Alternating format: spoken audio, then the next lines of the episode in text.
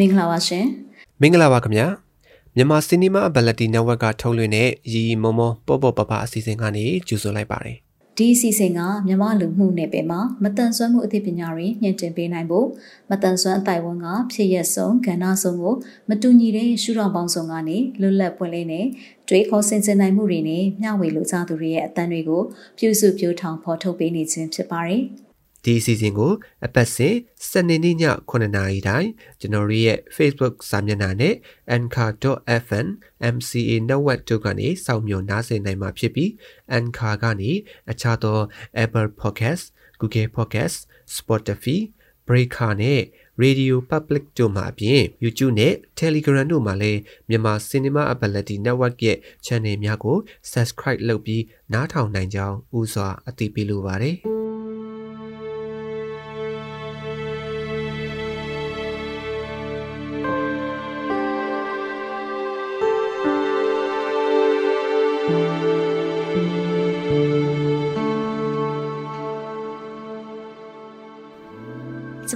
မတို့ MCA Network ရဲ့ရဲရဲမောမောပေါ်ပေါ်ပါပါ podcast အစီအစဉ်ကနေခေါင်းစဉ်သစ်တစ်ခုအနေနဲ့ဖန်တီးတင်ဆက်လိုက်တာကတော့မိခင်များရဲ့စကားသံဖြစ်ပါတယ်ဒီအစီအစဉ်မှာမတန်ဆွမ်းမိခင်တွေကိုယ်တိုင်နဲ့မတန်ဆွမ်းသူတွေကိုမွေးထုတ်ထားတဲ့မိခင်များရဲ့ခံစားချက်တွေဘဝအတွေ့အကြုံတွေဆွေးနွေးခြင်းတဲ့အကြောင်းအရာတွေပွင့်ပွင့်လင်းလင်းဖော်ထုတ်နိုင်ဖို့အတွက်ရည်ရွယ်ပြီးတော့မှတင်ဆက်ရခြင်းဖြစ်ပါတယ်ဒီအစီအစဉ်ကိုစိတ်ပါဝင်စားကြတဲ့မတန်ဆွမ်းမိခင်တွေကိုယ်တိုင်နဲ့မတန်ဆွမ်းသူတွေကိုမွေးထုတ်ထားတဲ့မိခင်များအနေနဲ့ဒီအစီအစဉ်မှာပါဝင်ခြင်းနဲ့ဆိုရင်တော့မိမိတို့ရဲ့ခံစားချက်ရင်တွင်းဖြစ်ဒါမှမဟုတ်ဖန်တီးဆွေးနွေးလိုတဲ့အကြောင်းအရာပေါင်းများများစွာကိုမိမိတို့ပြောဆိုတင်ဆက်လိုတဲ့ခန္ဓာရဲ့အလိုက်10မိနစ်ထက်မနည်း15မိနစ်ထက်မများပဲကျမတို့ MCA network ကိုအတန်ဖိုင်များပေးပို့ပြီးတော့ဆက်သွယ်နိုင်ပြီဖြစ်ကြောင်းဒီနေရာကနေနှွေးထွေးလှိုက်လဲစွာအသိပေးဖိတ်ခေါ်လိုပါတယ်။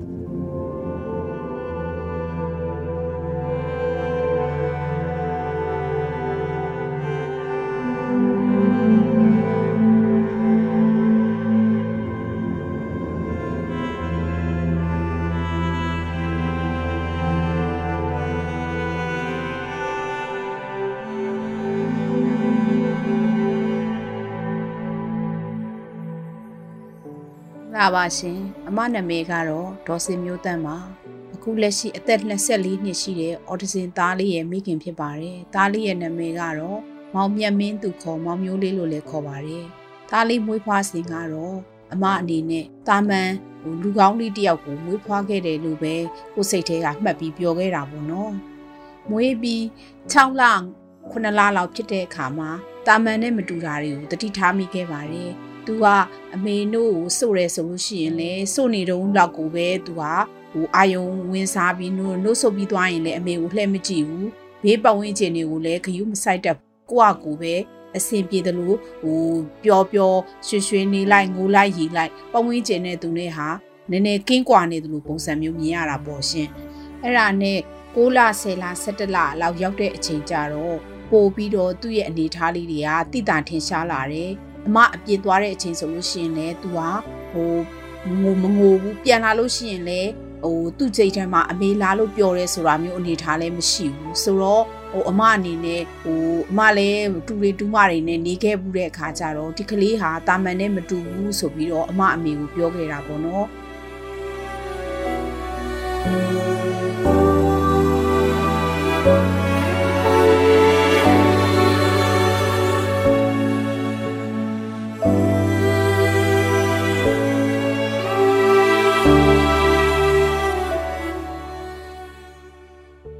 မအမေကလည်းဟုတ်တယ်ငါမွေးထားတဲ့သားသမီး၄ယောက်နဲ့ဒီကလေးလေးနဲ့ဟာပုံစံချင်းမတူဘူးပေါ့နော်ဆိုတာဘာလဲဆိုတဲ့ဟာမျိုးကိုဟို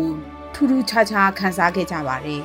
အဲ့ဒါနဲ့တစ်နှစ်ကျော်လောက်ရောက်သွားတဲ့အချိန်ကျတော့သူ့ရဲ့အနေထားတွေကပိုပြီးကွဲပြားလာပါတယ်ဟိုပတ်ဝန်းကျင်ကိုခေါ်သွားရင်တခြားအိမ်တွေကိုသွားလို့ရှိရင်လည်းလူစိမ့်လူကျက်သူမခံမှန်းတတ်ဘူးအဲအဲ့ဒီအိမ်ရဲ့ဟိုအိယာတွေတဲ့ဆိုလို့ရှိရင်လည်းဟိုဝင်သွားတယ်ပြီးတော့ဒစိမ့်ဆိုတာမျိုးလည်းသူခွဲခြားတတ်ဘူး ဟိုအဲ့ဒီအိမ်ကိုသွားပြီဆိုလို့ရှိရင်လည်းဟိုလူကိုကြောက်မကြောက်မယွန့်အနေထားမျိုးတွေတွေ့ရတယ်တာမန်ဆိုလို့ရှိရင်စကားမပြောသေးသည့်တိုင်အောင်တော့မှဟိုလူစိမ့်ကိုမြင်ကြောက်တယ်အဲအိမ်ထဲကိုချက်ချင်းမဝင်ဘူးဟိုအဲ့ဒီအိမ်ရဲ့ဟိုဘယ်လိုပြောမလဲအိမ်သားတွေဆိုဟိုကြည့်လို့ရှိရင်သူတို့ကလူစိမ့်ဆိုတဲ့စိတ်နဲ့အဲ့လိုမျက်နှာလေးကကြောက်ရွံ့သွားတတ်တာပေါ့နော်အမသားတို့ကြတော့အဲ့လိုမဟုတ်ဘဲနဲ့ကြောက်ရွံ့တဲ့အနေထားလည်းမရှိဘူးဟိုဘယ်လိုပြောမလဲ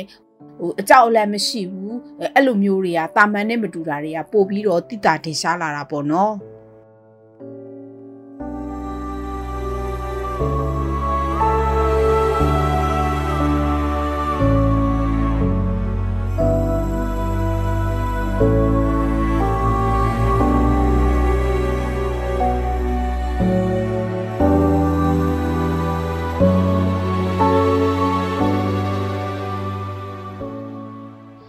အဲ့လိုတပြေးပြေးနေလာရင်းနဲ့အသက်နှစ်နှစ်ကျော်လောက်ရောက်တဲ့အချိန်မှာအမတို့အိမ်ဘေးကရက်ကအန်တီကြီးကသူကလူမှုဝန်ထမ်းမှာအလုပ်လုပ်ခဲ့ပြီးပြင်ဆင်ယူထားတဲ့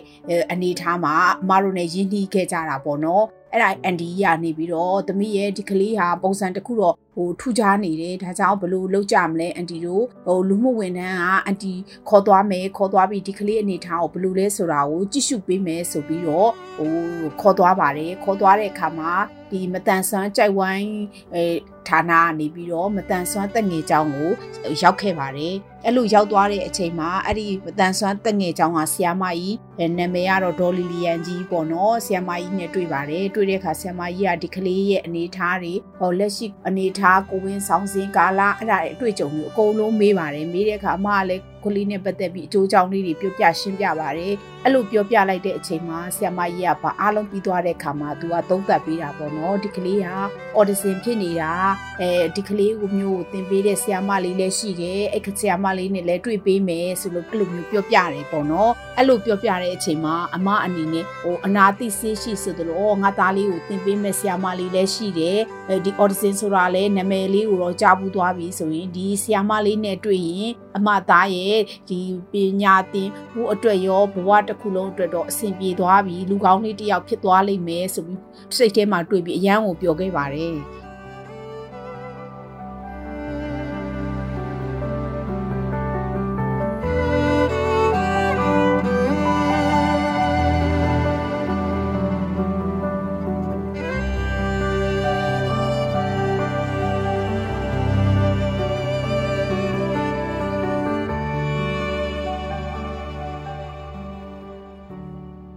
ဒါနဲ့နောက်တစ်နေ့ကျတော့အဲ့ဒီမတန်ဆွမ်းကြောင်းမှာပဲဆီယမကြီးကသူ့ကိုတင်ပေးမယ်ဆီယမလေးနဲ့တွေ့ပြီးတယ်အဲ့တုန်းကဆီယမလေးရဲ့အသက်က24နှစ်ပဲရှိခဲ့ပါတယ်ရှိပြီးအဲ့ဆီယမလေးနာမည်ကမလူပေါ့နော်အခုလက်ရှိကတော့ Lighthouse Learning Center မှာလက်ရှိဒီကျောင်းအုပ်တယောက်ဖြစ်တဲ့ထော်ကြီးဝင်းလင်းဖြစ်ပါတယ်အဲ့တုန်းကမလူအသက်ကလည်းငငယ်လေးပဲရှိသေးတယ်ရှိပြီးဆီယမလေးနဲ့ကိုတွေ့ရှိခဲ့ရပါတယ်အဲ့လိုတွေ့တဲ့အချိန်မှာပဲကိုယ်စိတ်ထဲမှာအယမ်းကိုကိုက ဟိုဝင်းတာခဲ့ပါတယ်။အော်ဘလူးပဲဖြစ်ဖြစ်ဆီယမလေးနဲ့လည်းကိုတွေ့ရပြီ။တွေ့လို့ရှိရင်ကိုအနေနဲ့အဆင်ပြေသွားပြီ။စိတ်ထဲမှာတွေ့ပြီးအယမ်းကိုပျော်ခဲ့ပါတယ်။ဆီယမလေးနဲ့တွေ့ပြီးတော့အဲ့ဒီနောက်နေ့ရစပြီးသူ့အိမ်မှာသွားပြီးတော့တင်ခဲ့ပါတယ်။တင်တဲ့အချိန်မှာဘယ်လိုပြောမလဲဆိုတော့သူကနေပြီးအမရဲ့တဲ့အမဒေသားလေးနဲ့ပတ်သက်ပြီးအမတို့ဒီစာရွက်စာတမ်းတွေကိုဖတ်ကြည့်ပါပေါ့နော်။ဖတ်ကြည့်ပြီးလို့ရှိရင်ကျမနဲ့ပြန်ဆွေးနွေးမယ်လို့ပြောပါတယ်။ ဆိုတော့အိမ်ပြန်ရောက်တဲ့အချိန်မှာအမကနေပြီးအဲ့ဒီဆောက်ရက်စာတန်းတွေကိုကြည်တာပေါ့နော်ကြည်တဲ့အချိန်မှာသူအင်္ဂလိပ်တွေလိုလည်းရေးထားတယ်ဆိုအမဟိုနားလေတလောက်ဖတ်ကြည့်လိုက်တဲ့အချိန်မှာသူအိုင်ဂျူဆိုတာတွေလည်းပါလာပြီးအဲနောက်ပြီးတော့တကားဘယ်လိုပြောမလဲအိုင်ဂျူ level တွေဆိုတာဒီလဲပါလာတယ်ပြီးတော့ဒီ audition ဆိုတာဟိုဘယ်လိုပြောမလဲလေ့ကျင့်သင်ကြားရင်းနဲ့မှ အဆင်ပြေမယ်ဟိုလေ့ကျင့်သင်ကြားလို့ तू level တစ်ခုရောက်သွားရင်တော့လေကျောင်းနေတက်နိုင်မယ် level တစ်ခုဟိုမရောက်နိုင်ဘူးဆိုရင်တော့ဒီလိုပဲမိဘရဲ့မိခိုမှုဒီပတ်ဝန်းကျင်ရဲ့မိခိုမှုနဲ့တစ်သက်လုံးနေရမယ်ဆိုတဲ့ဟာမျိုးတွေကိုဟိုအမနားလေတဲ့လောက်ဖတ်ရှုရတာပေါ့နော်ဖတ်ရှုရတဲ့အခါမှာစိတ်ထဲမှာတော်တော်လေးတော့ရင်လေးသွားတာပေါ့နော်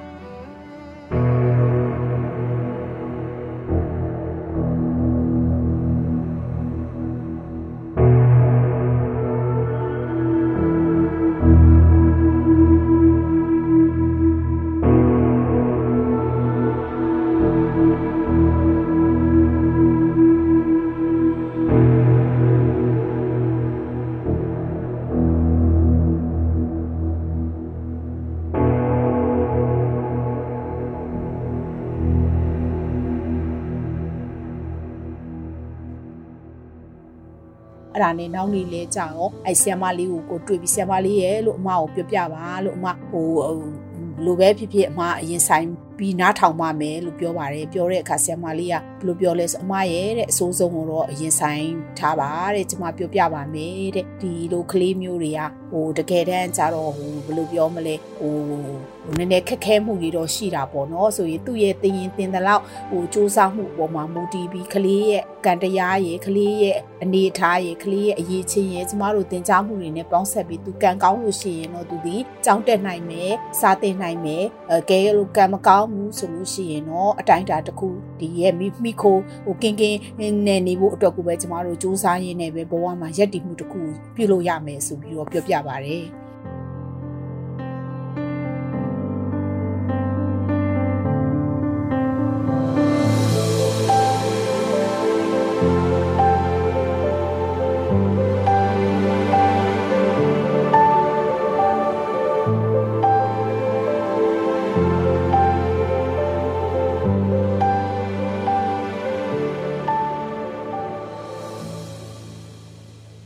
ဆီယမလေးကအဲ့လိုပြောပြလိုက်တဲ့အချိန်မှာအမတခါမှဘဝမှာမခံစားဘူးတာတွေခံစားခဲ့ရပါတယ်ဒီဘလို့ပဲဖြစ်ဖြစ်မိဘဆိုတာတာသမီကိုအကောင်းဆုံးမျှော်မှန်းကြတာပဲလေ။ဟိုဘလို့ပဲဖြစ်ဖြစ်ပလန်ချတယ်။ဟိုတာသမီဘယ်နှစ်ယောက်မွေးမယ်မွေးပြီးအကောင်းဆုံးပဲနှစ်ခုနှစ်မှကြောင်းထားမယ်ဒီလိုမျိုးအမကလည်းဒီလိုမျိုးစိတ်မျိုးနဲ့ဩတာသမီကိုနှစ်ယောက်လောက်မွေးမယ်အဲဘယ်လိုပြောသားလေးတယောက်သမီးလေးတယောက်ပေါ့နော်စိတ်ကူးထဲမှာအဲမွေးပြီးတော့အကောင်းဆုံးလေးတွေဘယ်နှခုနှစ်ကြောင်းထားမယ်ဘယ်လိုလုပ်မယ်ဆိုတဲ့ပလန်လေးတွေဟာအဲ့ဒီအချိန်မှာပဲ ဟိုအကုန်ပျက်စီးတယ်လို့ဖြစ်သွားခဲ့ပါပါတယ်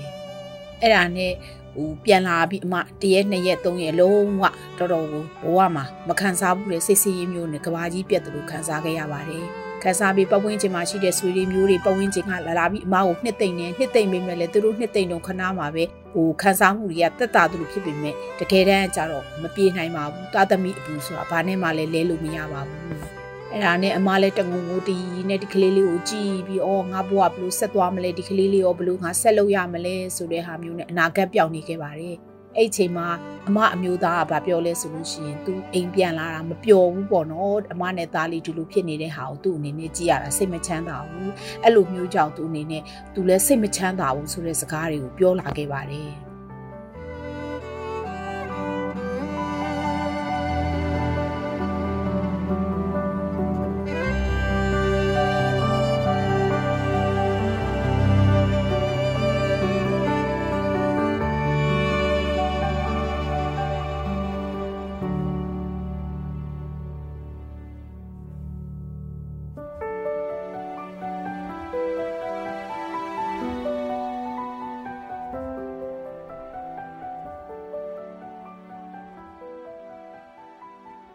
မအမျိုးသားအဲ့လိုပြောတဲ့နောက်မှာအမတော်တော်လေးထိတ်လန့်သွားတယ်။အိုးတကယ်လို့သာ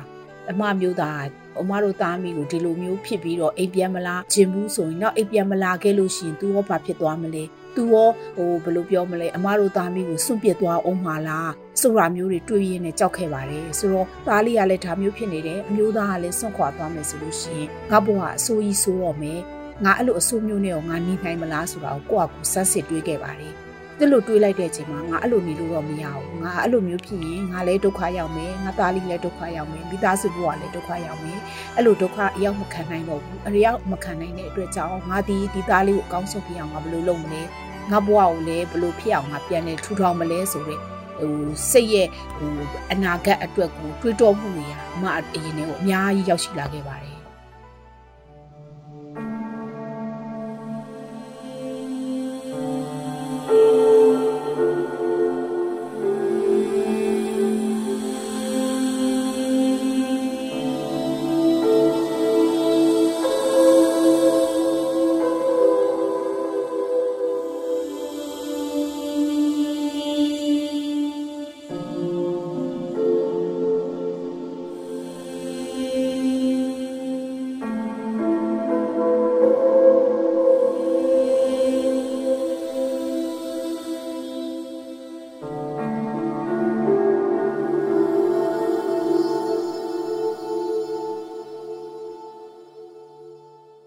အဲ့ဒီနောက်မှာတော့အမဆုံးဖြတ်ချက်ကိုချလိုက်ပါတယ်ဘလို့ပဲဖြစ်ဖြစ်အမရင်ဆိုင်မယ်အမသားလေးအတွက်အကောင်းဆုံးဖြစ်အောင်လုပ်သွားမယ်ဘလို့ပဲဖြစ်ဖြစ်ဒီကလေးရဲ့အောင်မြင်တိုးတက်မှုကိုငါကျင့်တတ်မယ်ဆိုပြီးအဲ့လိုမျိုးဖြစ်သွားလိုက်တဲ့အချိန်မှာကိုတော်တော်လေးနေရထိုင်ရတာတက်တာသွားပါတယ်အဲ့လိုမျိုးနောက်မှာပဲ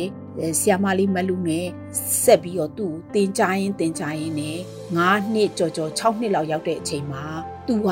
သူ့ level ကတကယ်တမ်းကျတော့သူကဟို level က moderate level ဖြစ်ပါတယ်ဆိုတော့ moderate level ဖြစ်တဲ့အတွက်ကြောင့်ဟိုစာကျောင်းကြီးတက်ဖို့ကတော့သူ့အတွက်ကတော်တော်ခက်ခဲသွားပါပြီ။ဒါပေမဲ့လည်းသူကဟိုဘလို့ပဲဖြစ်ဖြစ်လူဒန်းစေးတစ်ခုနေလို့ရတယ်ဘဝမှာဟိုဒီလိုမျိုး သူတင်ရင်တင်တဲ့လောက်ကို6လတစ်နှစ်တော့အချိန်ယူရတယ်အချိန်ယူရပေမဲ့လည်းအချိန်ယူရတဲ့နောက်မှာသူ့မှာတိုးတက်မှုတွေရှိလာတယ်ဆိုတဲ့ဟာကိုမြင်ရတဲ့အချိန်မှာအဲ့မှာ အရန်ကိုကျင်းနေလာခဲ့ပါတယ်အဲ့ဒီနောက်မှာလည်းအမသူ့အသက်ကလေးအသက်မျိုးလေးအသက်9နှစ်ခွဲမှာသမီးလေးကိုအမထပ်မွေးလိုက်ပါတယ်မွေးလိုက်တဲ့အချိန်မှာအမအတွက်အားရအရန်ရှိသွားပါတယ်သမီးလေးကလည်းဘလို့ပဲဖြစ်ဖြစ်အကောင်းလေးဖြစ်သွားတဲ့အခါကျတော့ဒီသားလေးကိုအမအနေနဲ့စောက်ရှောက်ရတာလေပိုပြီးအားရှိလာပါတယ်အဲ့ဒီနောက်မှာတော့အမရဲ့အတွေးခေါ်တွေရောဟိုဒီ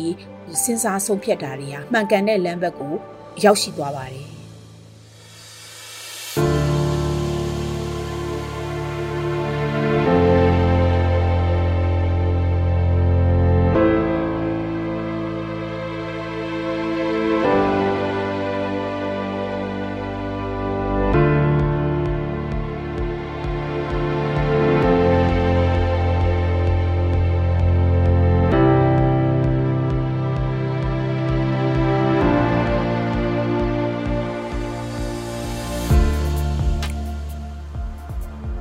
ခုချိန်မှာတော့ ဟိုအမသားလေးက24နှစ်ရှိပါပြီဆိုတဲ့အချိန်မှာအမလည်းအတိုင်းတာတစ်ခုတည်းရင့်ကျက်တဲ့အရွယ်ရောက်နေပြီအမသားလေးကလည်းအတိုင်းတာတစ်ခုအထိဟိုလူလက်ပိုင်းအရွယ်လေးကိုရောက်ရှိလာပြီပေါ့နော်အဲ့လိုရောက်ရှိလာတဲ့အချိန်မှာအမတို့ဒီဒီကလေးအတွက်တိုးတက်မှုကိုဘယ်လိုဆက်လုပ်ရမယ်ဆိုတာကိုလည်းအမတို့ဒီဟိုအတိုင်းတာတစ်ခုကိုနားလည်သွားပြီဆိုတဲ့အချိန်မှာအမတို့ဒီဟိုကိုယ့်ရဲ့စူးစမ်းမှုကိုလည်းရက်တက်မနေဘူးလောဘကိုလည်းမကြည့်ဘူးတက်နိုင်ဆုံးဒီကလေးအောင်မြင်တိုးတက်အောင်ဘယ်လိုလုပ်မလဲဆိုတဲ့စိတ်နဲ့နေ့စဉ်နဲ့အမျှသူ့ရဲ့တိုးတက်မှုရဲ့အသေးစိတ်ကလေးတွေတစ်ခုချင်းတစ်ခုချင်းဒီအိတ်တိုးတက်မှုဟာဟိုတစ်ခုချင်းဟာသေးနေပါစေဒါကိုကိုကနေပြီးတော့ကျင့်နှက်မှုနဲ့ကိုကရောင်ရဲပြီးနေလိုက်ခြင်းအဖြစ်ဟိုကိုလဲနေရတာအဆင်ပြေတယ်ကလေးလဲတိုးတက်လာတဲ့အတွက်ကြောင့်ဘလူရဲ့ဖြစ်ဖြစ်လက်ရှိအချိန်မှာအမသည်ဒီသမီးဒီသားလေးနဲ့ဘဝမှာနေတတ်နေပြီဆိုတာလေးကိုပြောပြရစီရှင်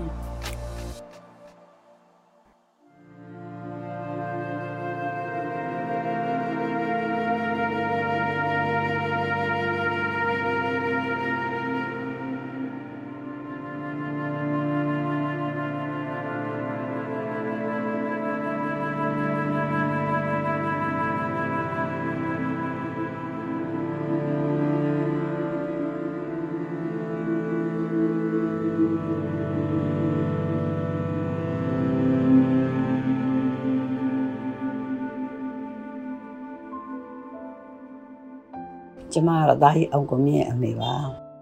တာကိုမွေးတဲ့အချိန်ကစပြီးတော့စိတ်မအေးရတာဒီနေ့အထိပဲဘာလို့လဲဆိုသူ့ရဲ့ကျမ်းမာရေးလူမှုရေးစီးပွားရေးအားလုံးဆက်လိုက်ရပါလိကျမဘက်ကတော့တန်းနိုင်သမျှပညာရေးချင်းကိုပေးခဲ့ပါပြီသူလည်းဘွဲ့ဒီတော်တော်များများရခဲ့ပါတယ်သူ့ရဲ့ကြိုးစားမှုကြောင့်လည်းဖြစ်တယ်သူကလည်းဘယ်လိုပဲကြိုးစားကြိုးစားအောင်မြင်အောင်မြင်ပေါ့အတိုက်ခိုက်ရှိလာတဲ့ခါကျသူစိတ်ဆင်းသူစိတ်ဆင်းရတယ်လို့မိခင်ပြောင်းနေရင်ဝမ်းသာကြတယ်သူ့အမွေးကတော့လည်းအခက်အခဲတွေနဲ့ အခက်အခဲတွေကြားနေပြီးတော့မွေးလာတာဒီလောက်ထိပါအသက်ရှိပါမလားလို့ရင်တမမနဲ့ပေါ့အခုဒီလောက်ထိရှည်လာတဲ့ခါကျပြန်တော့လဲလုပ်ငန်းခွင်မှာအကြီးအကဲဖြစ်တဲ့ခါကျတမျိုးဖြစ်ပြန်တိကတရားတွေကလည်းရတယ်စိတ်ထိကြိုက်ကပိုးဆိုတာပေါ့လေမိခင်တယောက်နေနေဆိုတော့ကျမကလည်းအိုးပြီးဒါလည်းကြီးလာပြီဒါတို့အတွက်ကိုအစသာရမိခင်နဲ့ဖခင်နဲ့ကနေပတာဝန်ယူတောင်းရလာတာအဓိကတော့ကျမပေါ့နော်မိခင်ပေါ့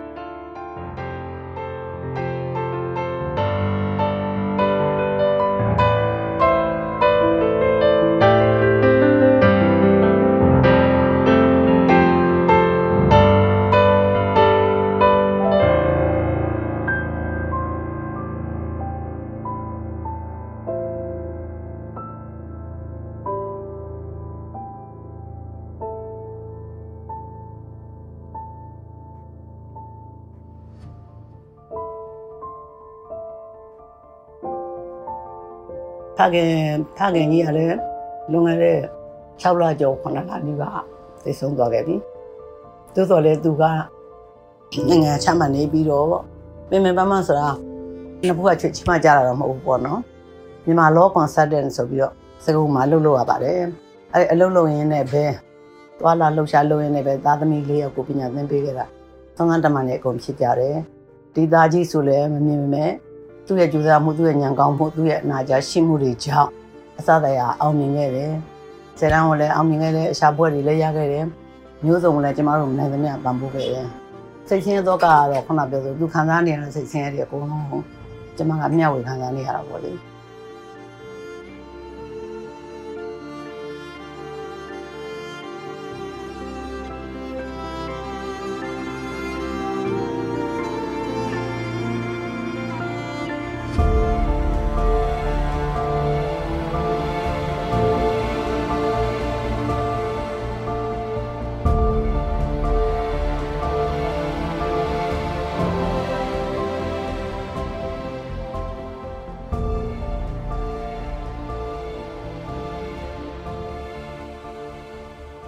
ဘာပဲဖြစ်ပါလေအခုလဲသူဘာလုပ်မလဲဆိုရင်လိုလေသေးမရှိအစားရပံပိုးပေးနိုင်ခဲ့တယ်ဒီလိုပံပိုးပေးနိုင်ခဲ့ဖို့ကလည်းသူ့အဖေကသူ့အဖေကရှာဖွေထားခဲ့တဲ့ပစ္စည်းကျမကျမတို့နှစ်ဦးနှစ်ယောက်ရှာဖွေထားခဲ့တဲ့ပစ္စည်းတွေပေါ်မှာမူတည်ပြီးတော့သူ့တက်ပေးရတယ်။ကျန်တဲ့သားသမီးတွေကြတော့ပညာသင်ပေးပြီးတဲ့အခါမှာတိတ်ပြီးပေးရတယ်လို့မရှိဘူးပေါ့နော်။အဲလေးယောက်သားသမီးလေးယောက်ရှိတဲ့ထက်မှာသူကသားအကြီးဆုံးသမီးအကြီးဆုံးကတော့ဟိုဘက်ဆောင်ဘာမှ မလိုလားတော့သူတို့သူတို့တွေကျန်တဲ့လူကအမကြီးအမိအရာဆိုလိုတဲ့သမီးအကြီးကလည်းပေးဆိုင်တယ်တို့ပြင်ဒါအနေဆုံးလေးရတယ်သူကကြော်ဖို့ကြော်ရဖြစ်တယ်ရန်ကုန်မှာနေတဲ့နှစ်ယောက်ကတော့နှစ်ယောက်ကတော့သားကြီးနဲ့သားလက်ဖြစ်တယ်သူကလည်းသားလက်ကလည်းသူ့အချိန်နဲ့သူအဆင်ပြေတယ်အောင်မြင်တယ်အဲတနေ့နေ့အချိန်မှာသူတို့လည်းပေါ့လေသူရေကြီးအနေနဲ့သူတို့လည်းကောင်းတဲ့နေရာတွေသွားမယ်ကျမကလည်းကျမကျမနေတဲ့နေရာမှာနေနေနေမယ်အဲခက်တာအလဲသွားခြင်းတဲ့နေရာကိုလည်းသွားခြင်းသွားမယ် ဘယ်လိုဖြစ်မလဲဆိုတာမသိဘူးဆိုတော့လေသူ့အတွက်ပူနေရတာတွေကတော့နည်းနည်းတော့နည်းနည်းတော့စိတ်ကိုလျှော့လိုက်တယ်တရားလေးနဲ့ပေါ့နော်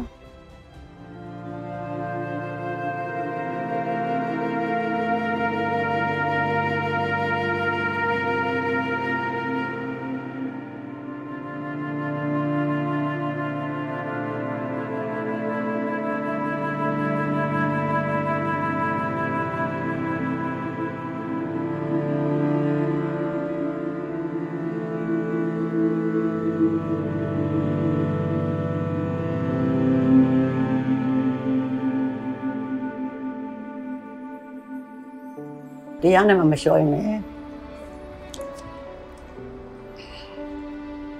ကျမရင်နေနာတယ်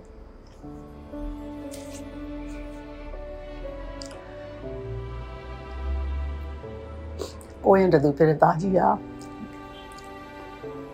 သူလည်းဒုက္ခနာကျင်တယ်သူဆိုတော့ယောဂလေးတွေရလာရလာတဲ့ခါမှလည်းမအေးရပူရတယ်အရင်တော့ကတော့ပညာရေးစီးပွားရေးလူမှုရေးနေထိုင်ရေးအစအသာအရာနော် ကျမတို့ကုညီပံ့ပိုးပေးခံခဲ့တယ်ကျမကြီးကြတော့လေညမကြီးစီကိုပေးနိုင်တယ်သို့တော်ညာလဲညမကြီးသူဖြစ်နေတဲ့ခါကျတော့မအေးရဆင်းမကောင်းဘူးကျမတို့အသက်80ကျော်အပွားဦးကြီးတော့မဖြစ်သေးတဲ့နှလုံးရောဂါတော့ဖြစ်တယ်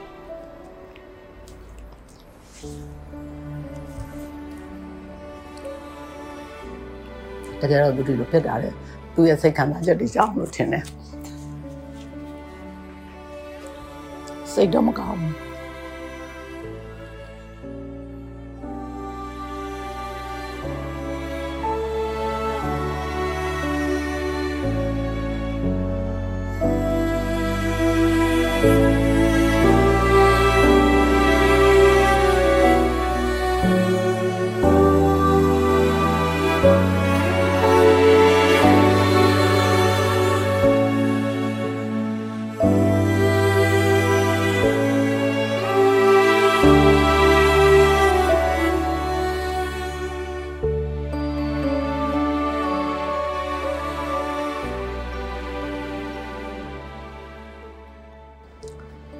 ကျမတို့ကဗုဒ္ဓဘာသာတွေဖြစ်တယ်သူတယောက်တည်းသူတယောက်တည်းပေါ့ဗုဒ္ဓဘာသာကနေခရစ်ယာန်ပြောင်းမယ်ဆိုရမယ်ခွင့်ပြုခဲ့တယ်အမလုပ်တဲ့လူကလည်းသူတငယ်ချင်းတွေနဲ့ပံ့ပိုးပေးခဲ့တယ်ကျမလည်းမကြိုက်ပါဘူးအမှန်နဲ့ပြောဒါပေမဲ့လည်းဘာသာတရားဆိုသူ့ဘာသာနဲ့သူကတော့ကောင်းတာရွယ်လေးဆိုစိတ်လျှော့တယ်စိတ်လျှော့ပြီးနေတဲ့ခါကျတော့သူလည်းသူကလည်းသူတော့အလိုတန်းဟလာယုံကြည်ကိုယ်ပဲဖို့အားလုံးကိုသူသူဆောင်ရနိုင်သမျှသူလုပ်တယ်ပေါ့လေအဲ ဒါကျွန်မကတော့ဗုဒ္ဓဘာသာဖြစ်တဲ့အတွက်ဗုဒ္ဓဘာသာလေးကိုပဲဝင်ပေးခြင်းဗုဒ္ဓဘာသာရဲ့ဗုဒ္ဓဘာသာရဲ့သဘောတရားလေးကံကံကြိုးလေးကိုသူသိစေချင်တာပေါ့နော်တိုးတော့လေအခုနှစ်ချိန်မှာတော့သူလည်းအရွယ်ရောက်လိုက်ဖြစ်တဲ့ခါကျတော့ဘာမှပြောလို့ဆိုလို့သိမကောင်းတော့ပါဘူးအဲဒါဒီကံခွန်းတော်ရင်းနဲ့ပဲသူ့တပည့်အမြဲတမ်းကြည်နေရတာပေါ့လေအခုတော့ကျွန်မခရီးသွားမယ်ဆိုရင်တောင်းစိတ်ကိုလျှော့ပြီးတော့မှသူ့ရဲ့အပူတွေကိုကျွန်မလျှော့အော င်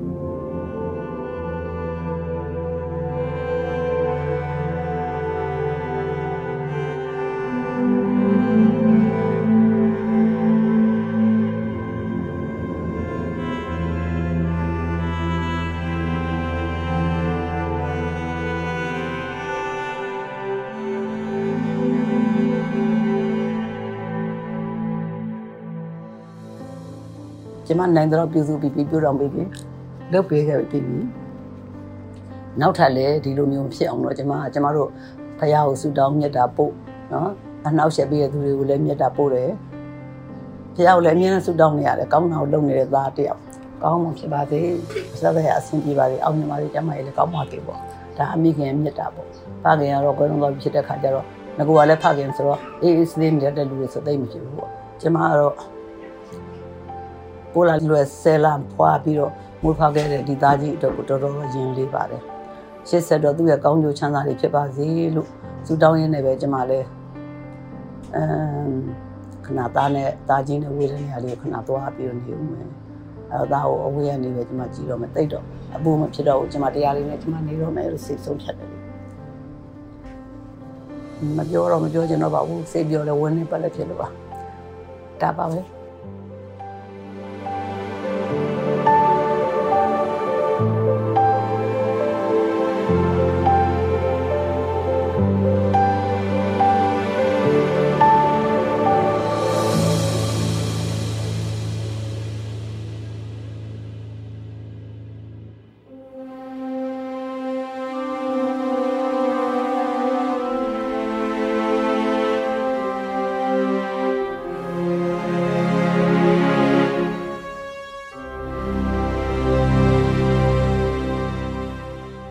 ဒီစီစဉ်ကိုမိတ်ဆွေတို့အနေနဲ့အစအဆုံးနားထောင်ပြီးပြီဆိုရင်တော့မိမိတို့ရဲ့သဘောထားမှတ်ချက်များကို Anchor မှာအတန်နဲ့စာနှမျိုးလုံးနဲ့ဖြစ်စေ Facebook မှာစာနဲ့တပ်ပုံနှမျိုးလုံးနဲ့ဖြစ်စေပေးနိုင်ပါပြီနော်